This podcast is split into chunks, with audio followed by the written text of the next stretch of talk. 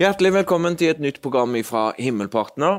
I dag så skal vi se på hva som skjedde mellom Jesus død og oppstandelse. I uh, Matteus kapittel 12 vers 40 så sier Jesus for like som Jonas var tre dager og tre netter i storfiskens buk, slik skal menneskesønnen være tre dager og tre netter i jordens hjerte. Det forteller oss litt om eh, hvor paradis den gangen lå. og Vi må se litt på hva som, som, som var, befant seg under våre føtter, og som er der den dag i dag. Vi skal se litt på hva som er i det underjordiske. Jesus han sier det at, eh, at han skal være tre dager og tre netter. Og det har vært masse spørsmål om, eh, om det opp igjennom, fordi at eh, tradisjonelt sett så, så dreier påska seg om skjærtorsdag. Langfredag så dør Jesus, han blir lagt i graven. Og så er det sabbat på, på lørdagen, og på søndag morgen den første dag i uken så er Jesus stått opp. Og Det betyr at han lå omtrent bare ca. halvannet døgn i, i eh, graven før han sto opp igjen. Mens Jesus han ettertrykkelig sier det, at, eh, at eh, like som Jonah var tre dager og tre netter, altså tre fulle døgn til sammen, i storfiskens buk, slik skal menneskesønnen være tre dager og tre netter i jordens hjerte. Mange har prøvd å forklare det med at man berører liksom de tre dagene, at man tar med seg litt av den første dagen. Han var der eh, et helt døgn imellom, og så berørte han litt av den tredje dagen. Det er ikke det Jesus sier, for det Jesus sa at han skulle være der tre dager og tre netter. Og når Jesus sier noe, så er det til punkt og prikke akkurat sånn som han har sagt det. Så det som er saken, det er det at eh, tradisjonen har villedet oss litt der, og vi skal forklare litt på hvorfor eh, Jesus sa at han skulle være der tre dager og tre netter. Eh, Jesus' siste måltid, det var på en onsdag. Og hvis du så på programmet sist gang, så, så, så, får du høre det at eh, Jesus han red inn på et esel eh, på palmesøndag. Og så gikk det fire dager før, eh, før påske da skjedde. Han, eh, han, var det lyteløse lammet som, ble, som, var der i fire dager, akkurat som det fysiske lammet som skulle bli ofret og, og, og, inspisert i fire dager. Så var han der. Kom inn på søndag, mandag, tirsdag, onsdag, og så har du påske på torsdag. Så det som skjer, det er at Jesus han spiser sitt siste måltid, eller påskemåltidet. Det spiser han egentlig én dag før alle de andre spiste det. Og Det er faktisk sånn med påske og den høytiden at uh, det er tillatt å feire påske til og med opptil én måned etterpå alle andre høytider i jødedommen alle de sju høytidene som du kan lese om i, i tredje Mosebok, kapittel 23, de, de, må du være nøyaktig på dagen. De skal feires nøyaktig på den dagen de skal feires. Men det er et unntak med påskehøytiden, at hvis det var noen som ikke kunne feire den av en eller annen årsak på datoen, så kunne den feires én måned på etterslep. Derfor er det grunn til å tro at eh, Jesus han spiste påskemåltidet, eller det siste måltidet, den, eh, den, at han ble forrådt av Judas, som eh, Paulus skriver om i, i 1. Korinteren 11, det var en onsdag kveld. Det var det siste måltidet. Så Jesus han var jo, eh, han var jo brødet som ble brutt for oss. Han, han utgjød sitt blod, og det skjedde jo på påske. Han var det lammet som ble slakta. Så påskemåltidet det spiste han litt på forhånd.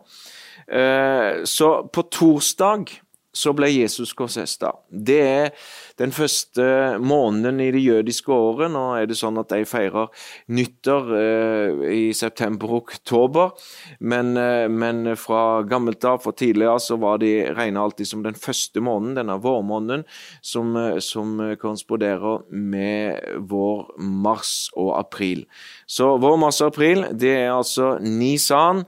Tidligere var den kalt for Abib, men etter babylonske fangenskapet så ble det endra etter hvert til Nisan. Og 14. Nisan så starta påske. Da, da eh, ble Jesus Kristus korsfesta. Påskemåltidet det ble spist ved solnedgang torsdag 14. nisan. Eh, når alle andre spiste påskemåltidet, etter tradisjonen fra utgangen av Egypt og alt som var blitt holdt i århundrer opp igjennom, så var allerede Jesus død. Klokka 15.00 så hadde Jesus hengt på korset i seks timer.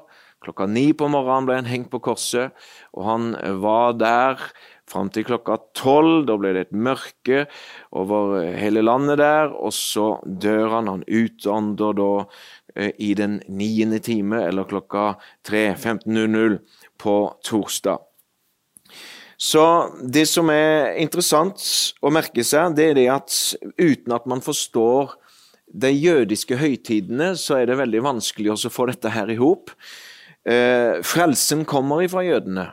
Jesus han var jøde, og uten at man eh, tilegner seg kunnskap fra alt som har med jødedommen å gjøre, alt som har fra Toraen og Mosebøken opp igjennom, så er det vanskelig å forstå kristendom i dag. Man må tilbake til røttene, som var jødedommen, for å forstå mye av det som skjedde. Og Jødene de hadde sju høytider. De kan vi lese om i, i tredje Mosebok kapittel 23. Eh, først så begynner vi der med, med, sabbaten, som er den ukentlige sabbaten, som da var lørdagen. Fra vers 4 så står det at dette er Herrens høytider, de hellige sammenkomster, som dere skal lyse ut til deres fastsatte tider. I den første måneden, på den fjortende dagen i måneden, mellom de to aftenstundene, er det påske for Herren. Så her har vi den første og den største og den viktigste høytiden. Det er påske for Herren. Den femtende dagen i den samme måneden er det de usyrede brøds eh, høytid for Herren. I sju dager skal dere ete usyret brød. Den første dagen skal dere holde en hellig sammenkomst. Dere skal ikke gjøre deres vanlige arbeid. Altså I sju dager skal dere ofre ildoffer osv.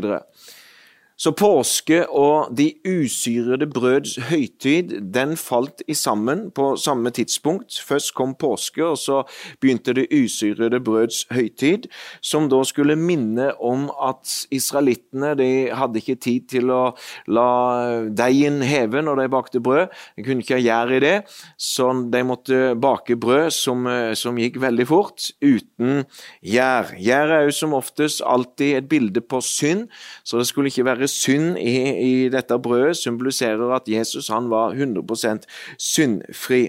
Så Her står det i vers 7 at den første dagen skal en holde en hellig sammenkomst. Altså Det er en ekstra høysabbat, en sabbat som er utover de vanlige sjudags-sabbatene som, som går ukentlig. Men dette var en ekstra sabbat som da kommer på det vi kaller langfredag. Så Jesus han hadde sitt måltid på onsdag. Han døde på torsdag, nøyaktig som påskelammet ble slaktet. Det er tradisjonen. Han ble lagt i grav på torsdag kveld, og så var han allerede i graven på, på lang, vår langfredag, det vi kaller langfredag. Men det var egentlig torsdagen som var langfredagen, for å si det sånn. Det var en dag forskjøven tilbake. Eh, bibeloversetterne har jo, eller de som har tolka det sånn at eh, Jesus han døde på langfredag, de har hovedargumentet på det at for det var sabbat neste dag, og de måtte forberede seg til sabbaten. Og så tenker man at det må ha vært lørdagen. og Derfor så har man brukt å, å sette det inn i, i de her tidsperspektivene.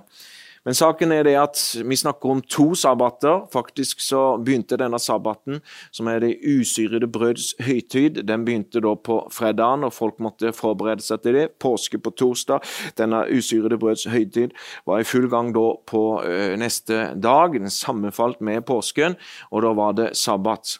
Faktisk så så har vi et bibelvers som hjelper oss veldig i Matteus kapittel 28. For der står det når, når, eh, Maria Magdalena og Maria kom for å se til graven, så står det i vers 1 at etter sabbaten, da det lysnet mot første dag i uken, kom Maria Magdalena og den andre Maria for å se til graven. Faktisk så står det ikke etter sabbaten, men det står etter sabbatene. Og Det er jo veldig dumt at bibeloversettere tenker logisk at ah, det høres så dumt ut med sabbatene, hva kan det bety? Og så velger man da å oversette etter sabbaten i entall, men egentlig så står det etter sabbaten i et, etter sabbatene, altså i flertall. Så det var sabbat på fredag, det var sabbat på lørdag, og så sto Jesus opp på søndagen, vår søndag, den første dag i uken, som, som er oppstandelsesdagen.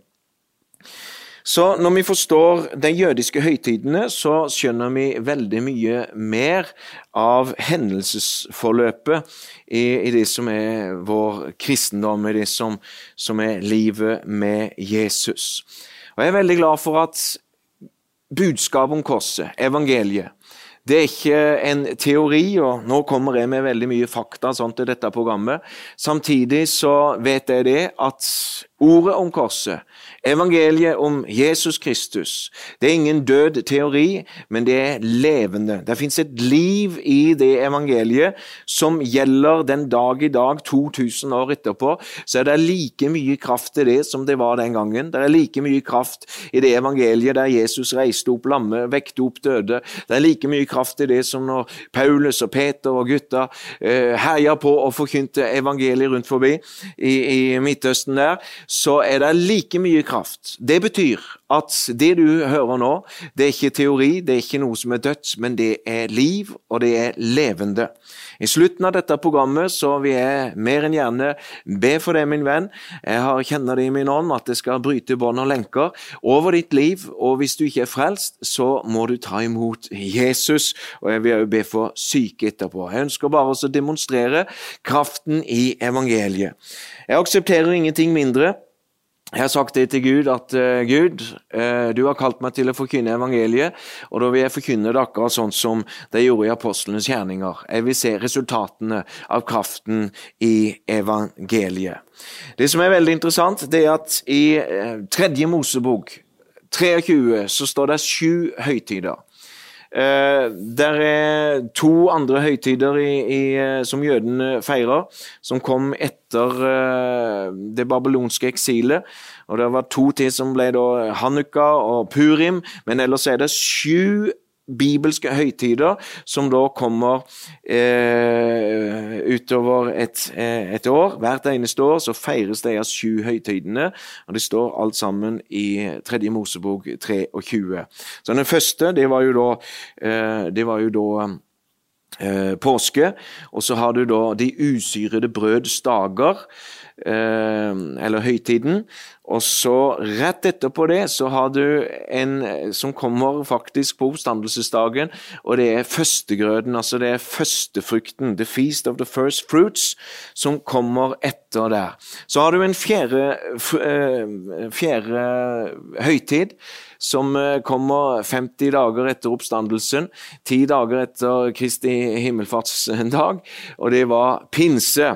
Shivaot, pinse. Det var en feiring av at jødene fikk Toraen, fikk Moseloven. For første gang på Sinaberg så feirer man pinse, og den sammenfaller da med at Guds hellige ånd blir utgitt i Apostlenes gjerninger kapittel 2, og så, så har vi en, en pinsefestens dag der. Det som er meget interessant å merke seg, det er det at når Gud gjør noe, så gjør han det alltid på disse høytidene. Når vi leser evangeliet, så, så er evangeliene fulle av hendelser, av mirakler Jesus gjør, eh, av konfrontasjoner med fariseere osv. Akkurat på høytidsdager rundt påske eller løvhyttefest, så er Jesus der. F.eks. i Johannes kapittel 7-8 så er Jesus der i Jerusalem under løvhyttefesten, og han preker budskap som har akkurat med det fariseerne preker i synagogene. Det er en annen preken. Men Gud han gjør alltid noe på høytidene, så Jesus måtte jo selvfølgelig dø nøyaktig når påskelammet døde.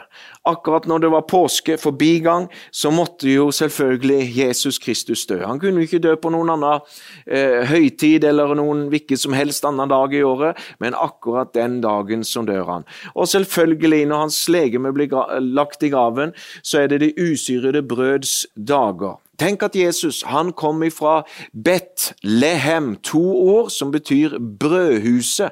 Betlehem betyr brødhuset, og Jesus han er livets brød. Han var brødet som kom fra himmelen. Han var, eh, kom med sitt legeme til, dette, til denne jord, til veiebrakte et legeme som ble brutt for oss. Han ble såret for våre overtredelser, knust for våre misgjerninger. Straffen lå på ham for at vi skulle ha fred, og ved hans sår har vi fått legedom. Så Jesus, han, eh, han er dette det usyrede brødet altså Det er ingen gjær i, i usyra brød. Og uh, gjær i Bibelen er som regel alltid et bilde på synd. Og det finnes ingen synd i Jesus. Han var 100% syndfri. Så Jesus han oppfyller både påskehøytiden ved at han dør som Guds lam. Han oppfyller de usyrede brøds høytid, som er sammenfallende med påske, og begynner da samtidig med påske. Og så er Jesus førstegrøden av de som står opp. Det fins en opprykkelse, og det måtte selvfølgelig skje på den tredje dagen, som da de feira førstegrøden. Da var det sånn at ypperstepresten gikk ned fra tempelet i Jerusalem, gjerne ned til områder som lå i eller like ved eh, Kedondalen, og der hadde de bygg, aks, som som vokste opp, og de hadde verna en liten flekk der. Og Så gikk de ned og høsta bygg. De høsta noen korn der, og så gikk de opp til tempelet. Det var ikke lenger enn at de kunne gå til fots fra tempelet, og langs veien der ypperstepresten gikk, eh, så hadde han en sigd, og han hadde et, sånn, et folde, et klede til å ha denne, denne kornet med, eh, som han sanka inn. Og så spurte han folket skal jeg høste, og, og sånn. Ja, sa folket. Ken, sa det på hebraisk. Ja, og så hadde han sånne spørsmål som han sa ut, og så ropte folket ja. Så tar han eh, førstegrøden, altså det, eh, det første som er modna da, før, eh, før innhøstninga begynner. Og så går han opp til tempelet, og så vifter han med, med de bladene og sånt foran Gud og ofrer mel. Og så, så, er det et førstegrøde, akkurat på linje med, med tiden, at man bærer denne førstegrøden døden innenfor Gud, at han får det først, for at avlingene da skal lykkes. Så, så eh, førstefruktens høytid eh, det er da dagen etter sabbaten, altså oppstandelsesdagen søndag. I 1. Korinterne kapittel 15 vers 20-28 så leser vi men nå er Kristus reist opp fra de døde og er blitt førstegrøden av dem som er sovnet inn. For ettersom døden kom ved ett menneske, så er også de dødes oppstandelse kommet ved ett menneske. For like som alle dør i Adam, slik skal, skal også alle bli gjort levende i Kristus men hver i sin egen avdeling. Kristus er førstegrøden. Deretter skal de som hører Kristus til, bli gjort levende ved Hans komme. Deretter kommer enden når han overgir riket til Gud og Faderen etter at han har tilintetgjort all makt og all myndighet og velde, for han skal herske som konge til han får lagt alle sine fiender under sine føtter. Den siste fiende som blir tilintetgjort, er døden, for alt har han lagt under hans føtter, men når han sier at alt er underlagt ham, da er det klart at han som la alt under ham, er unntatt. Men når alt er underlagt ham, da skal også Sønnen selv underlegge seg ham, som la alt under ham, for at Gud skal være alt i alle. Det de bibelverset forteller oss, det er det at Jesus han var den førstefødte av de døde. Han sto opp først. Og fordi at han er oppstandelsen, så kommer det en oppstandelse der de døde i Kristus skal oppstå. Og Det har vi undervist masse om her fra Himmelpartner, om opprykkelsen, og at det blir et møte i luften, og at de døde skal først oppstå, og så blir vi andre som er latt tilbake. Vi skal rykkes opp, møte sammen med dem, og så skal vi gå til himmelen. Så han er førstegrøden der. Og Det var faktisk så kraftig at når Jesus han døde på korset, så var det ikke bare han som sto opp, men det var veldig mange som sto opp den dagen han sto opp fra de døde. Og Vi leste jo det i Matteus. I begynnelsen her så står det det i Matteus 27, eh, 52 at gravene åpnet seg, og mange av legemene til de hellige som var sovnet inn, sto opp. Etter Jesu oppstandelse gikk det ut av graven og kom inn i de helliges by og viste seg for mange. Åssen kan det ha seg? Jo, det er fordi at uh, at uh, Jesus han for ned i dødsriket. Og hvordan Hva var det som var i dødsriket? Hva var det som skjedde de tre dagene fra Jesus sa det er fullbrakt, og til han sto opp igjen? I det Jesus utdanna, Det var det at Jesus han for ned i dødsriket. Og han sier noe rart som kan være litt forvirrende, og det skal vi klare opp i. Fordi at i Lukas 23, 42, så sier han til den ene røveren på korset Eller røveren sier til Jesus, og han sa, 'Jesus, husk, husk meg når du kommer i ditt rike.' Og han sa til ham, 'Sannelig sier jeg deg, i dag skal du være med meg i paradis.' Åssen kan det ha seg? Fordi at paradis det er jo et godt sted, det må være himmelen. Og vi vet at Jesus han for ned i dødsriket. Vi har masse bibelvers på det, at Jesus for ned i dødsriket. Og Jesus sjøl sa jo at for liksom Jonah var tre dager og tre netter i storfiskens buk, slik skal menneskesønnen være tre dager og tre netter i jordens hjerte. Så Jesus han ble lagt i grav, og hans ånd gikk ned i jordens hjerte. For å få et innblikk i det, så så, så, kan vi lese Jeg vet ikke om vi tar oss tid til å lese det, men i, i Lukas kapittel 16 så leser vi beretningen om den rike mannen og Lasarus, som begge dør. Og så leser vi om at den, den rike mannen han, han, kommer til helvete, han kommer til et pinens sted, mens, mens Lasarus, denne fattige tiggeren, han kommer til Abrahams skjød, eller Abrahams fang. Så det fins en avdeling i underverden den gangen som, som, som, Det var en avdeling som var paradis. Alle i Det gamle testamentet de frykta for å dø, men heldigvis så var det sånn at korset strålte sin kraft like inn, inn i Edens hage. Så alle som, som trodde på Gud, eh, som hadde gitt sitt liv til Gud den gangen, de ble ikke født på ny sånn som vi er født på ny da, for, for, for, Jesus han gjorde noe meget spesielt på Golgata. Men effekten av korset, av korset som, som skjedde for 2000 år siden, den effekten den skjedde òg like tilbake i Edens hage. Så den gangen så kunne de bli frelst ved tro. Så Abraham gikk ikke til helvete og ble pint i helvete. David gikk ikke til helvete og ble pint i helvete. Men de gikk til paradis, et oppbevaringssted for de troende, for de som, hadde, som hørte Herren til. Eh, og Abraham, som er de troendes far, troens far, han var der. Han var sjefen i den avdelingen. Så i Lukas kapittel 16 så leser vi at det var et stort svelg imellom den avdelingen der Abraham eh, var sjef, og så er det et pinent sted, og ingen kunne komme fra det stedet til det andre omvendt. Det var et stort svelg imellom der. Den rike mannen, han pintes, og han eh, Eh, han eh, har øyne til å se med, han har alle sansene i behold. For han kan se over til den andre siden, han kan snakke, han kan føle, han kan kjenne. Han kan smake, for han vil gjerne at, at Lasarup dypper sin finger i, i, vann og kommer og, og, og veter tungen hans, for han er sånn en veldig pine og en hete der han er. Så det fins eh, det, det, fantes to avdelinger før Golgata. Så var det to avdelinger i, i Hades eller Sheol, Gehenna, det er mange forskjellige ord på hebraisk, gresk osv. Men de var underverden den gangen, og der var det fanger, altså de som, som, som var dødd i troen på Gud. De var der i Abrahams skjød og venta på noe. De venta på Jesus Kristus. Og en dag så kommer Jesus Kristus. Idet det Jesus roper ut 'Det er fullbrakt', så farer han ned i dødsriket. Og hvor farer han? Han farer ned i den avdelingen som kalles paradis, for det Jesus sa jo til røveren på korset, at sannelig, i dag skal du være med meg til paradis. Så Jesus tok med seg røveren til paradis, og han bortførte fanger. Og Der står et meget interessant vers i Efeserne kapittel 4, fra vers 8 til 14, at derfor sier Skriften han for opp i det høye og bortførte fanger. Ja, så han for til himmelen? Nei, for det står videre at han ga menneskene gaver. Men dette han for opp, hva er det uten at han først steg ned til jordens lavere deler? Så Jesus sa til røveren i dag skal du være med meg til paradis, men her står det at han først steg ned til jordens lavere deler. Derfor kan vi slå fast at paradis var en avdeling i underverden før korset.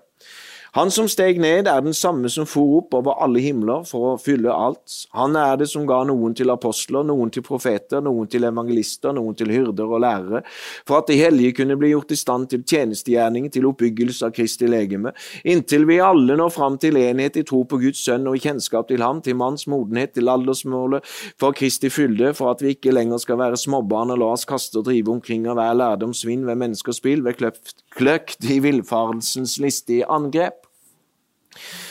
Hva er gaver for noe? Hva er det at han ga menneskene gaver?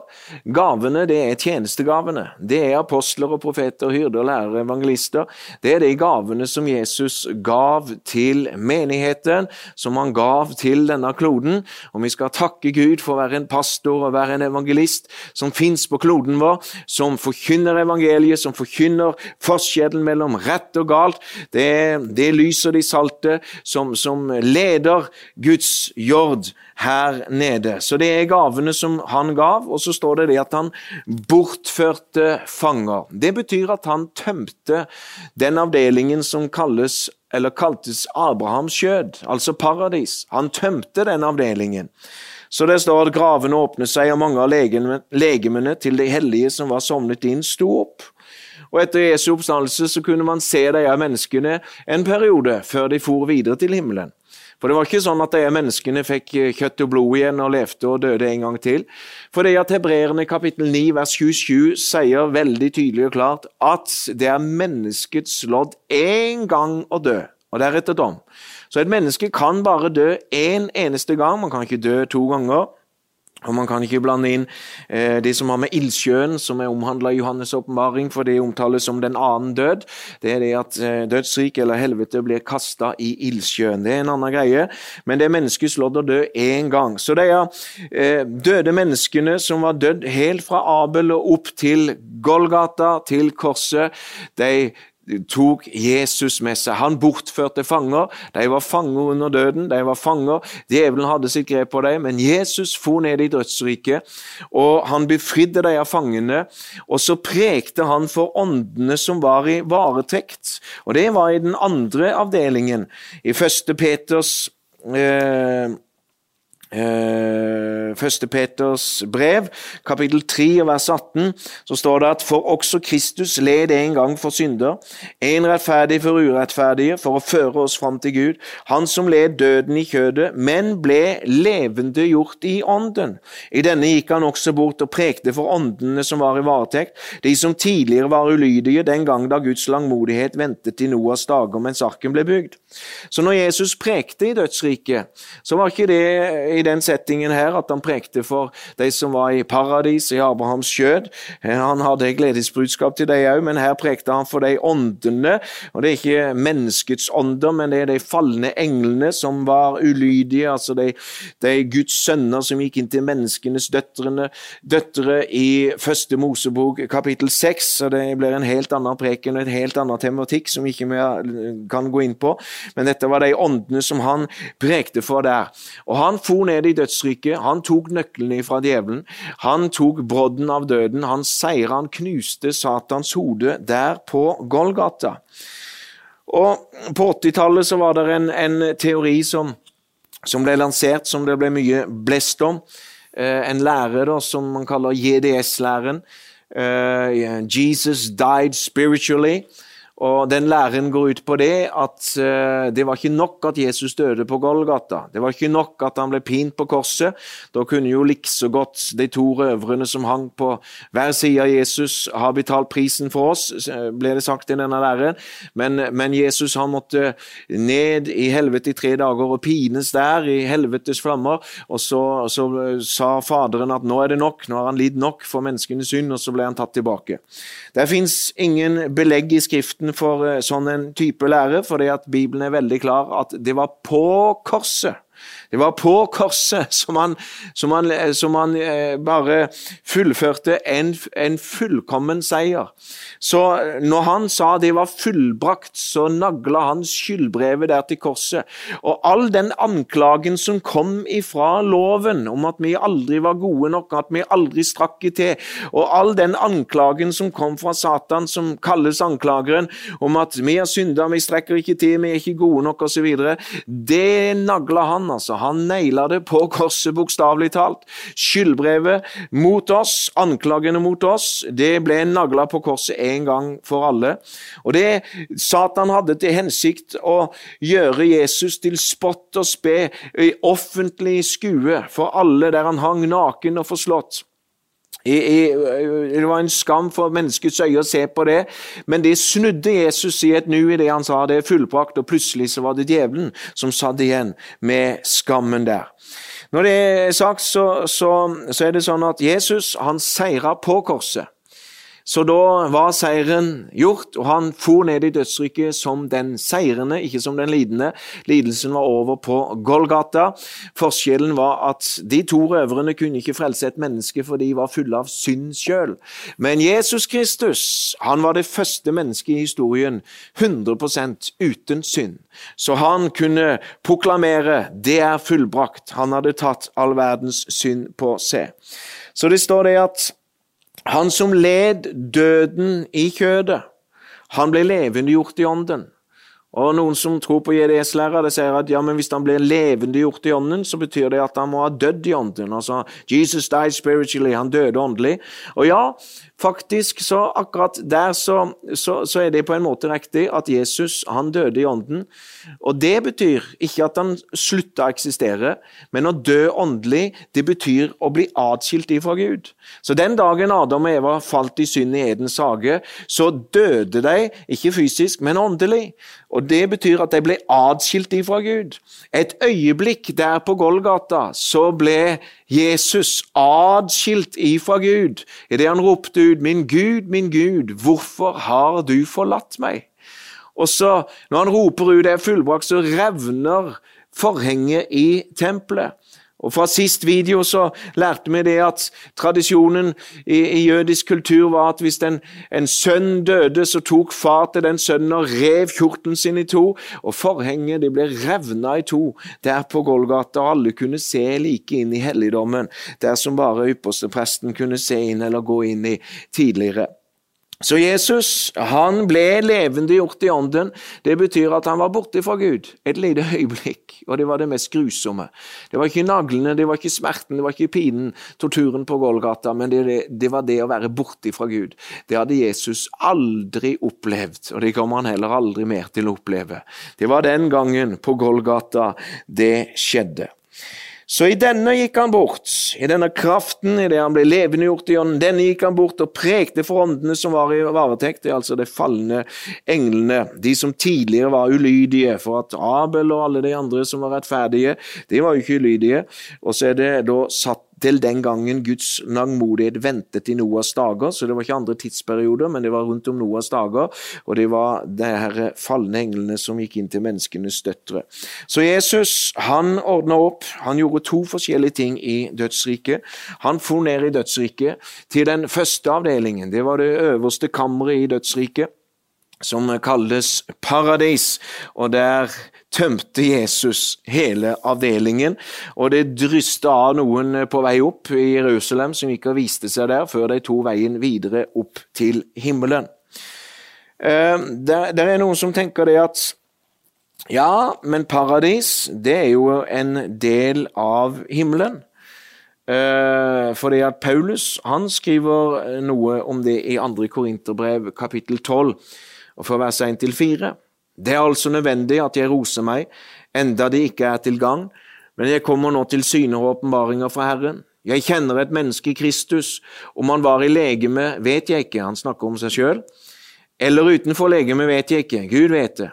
En som for 14 år siden ble rykket like inn i den tredje himmel.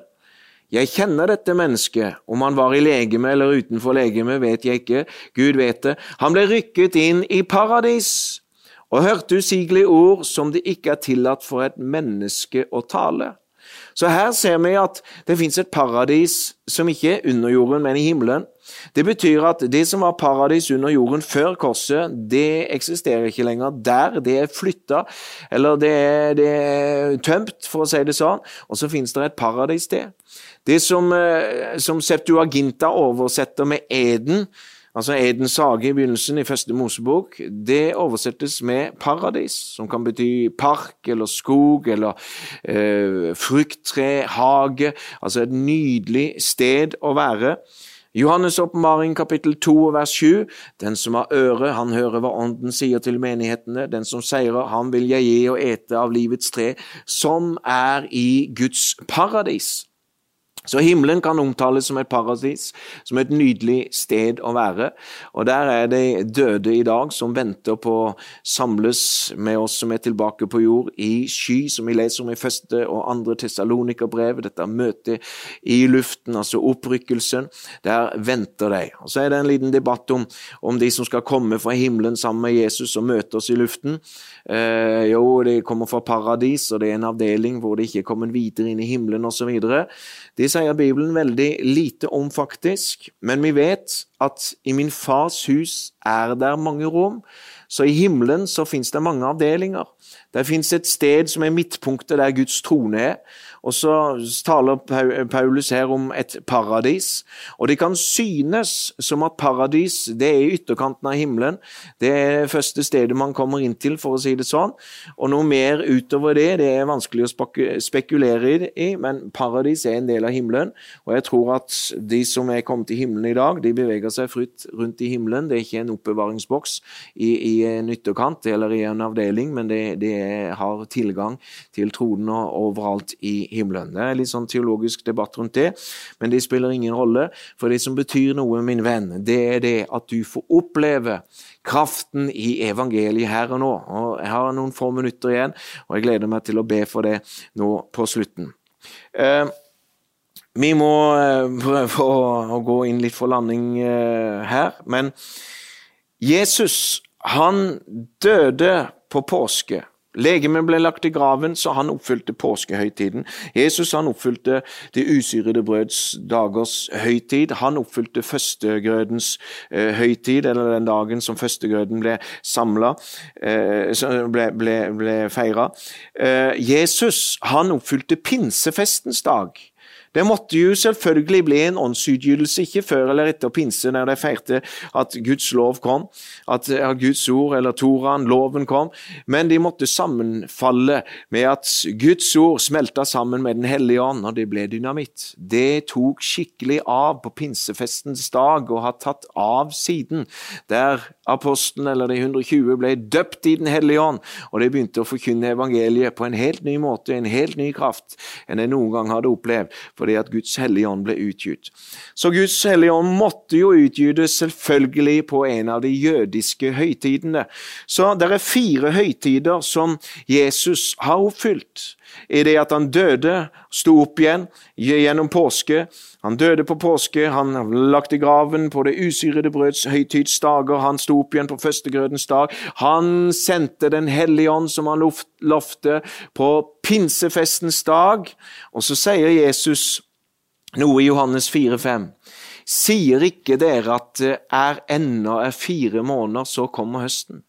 Se, jeg sier dere, løft deres øyne og se markene, det er alt hvite i høst. Fra pinse så var det høstmåneder der de høsta inn. Det er jo andre årstider i forhold til det vi er vant oppi her i Norge. Så de høsta inn der i fire måneder til, til, til september og oktober kom, til måneden Tisri kom. Og det er en interessant måned, for der kommer de tre siste høytidene. Og nå får du en liten bonus på slutten her. De tre siste høytidene som ender ikke oppfylt. Påske er oppfylt, eh, usyrede brøds dager, førstefrykten, pinse, men så kommer der en høytid, første tisri, som er vår, september, oktober, som er basunenes høytid, eller Rosh Hoshana, det er jødenes nyttår, og den tror jeg personlig at den symboliserer bortrykkelsen i 1. Korinterne 1551.: Se, jeg sier dere et mysterium, vi skal ikke alle sovne inn, men vi skal alle bli forvandlet. Brått, i et øyeblikk, ved den siste basunen. Gjett om den siste basunen kommer nøyaktig på basunenes høytid. For basunen skal lyde, og de døde skal bli reist opp uforgjengelig, og vi skal bli forvandlet. Og så kommer det en, en ny høytid, tiende tisri Jom Kippurs, forsoningsdagen, som jeg tror er et, et, bilde på trengselen. Og så kommer det en siste høytid som ennå ikke er oppfylt. Og det er 15. til 21. tirsdag. Det er løvhyttefesten. Alt er innunder september-oktober-perioden. Løvhyttefesten som symboliserer tusenårsriket. Fire høytider er oppfylt.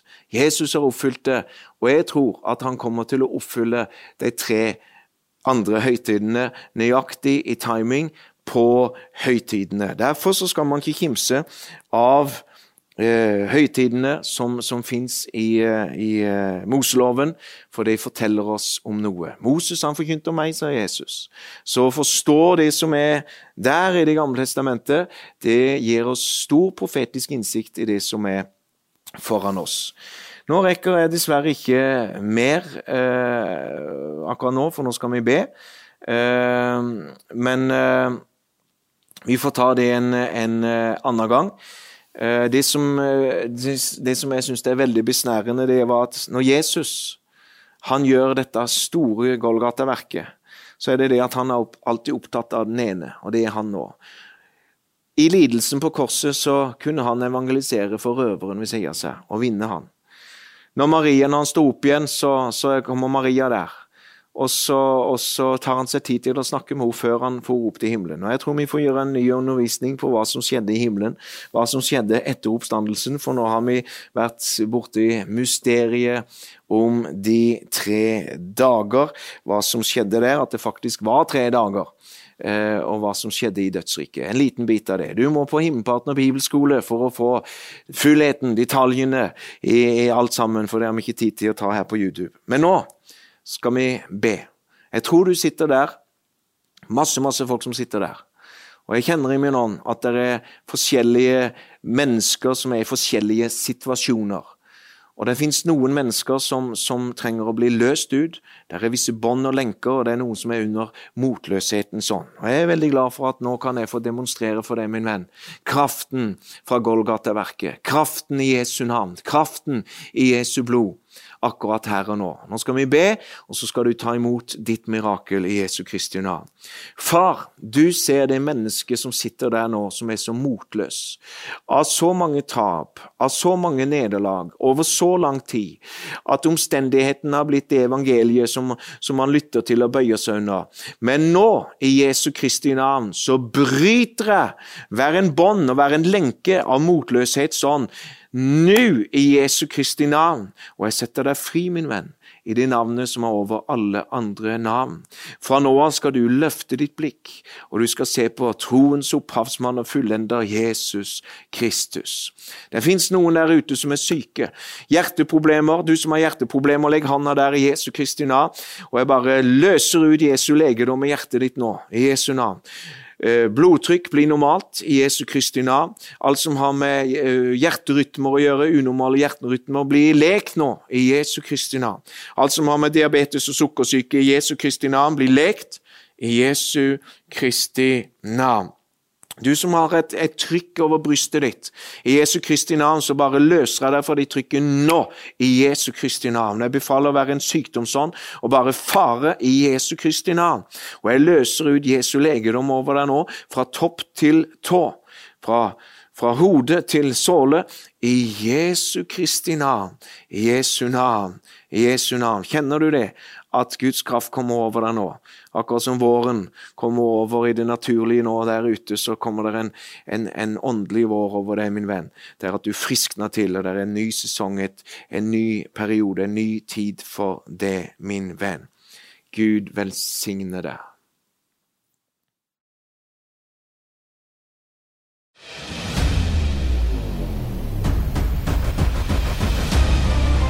Du er kalt for en tid som denne. Bli en del av det Gud gjør. Norge skal bli frelst!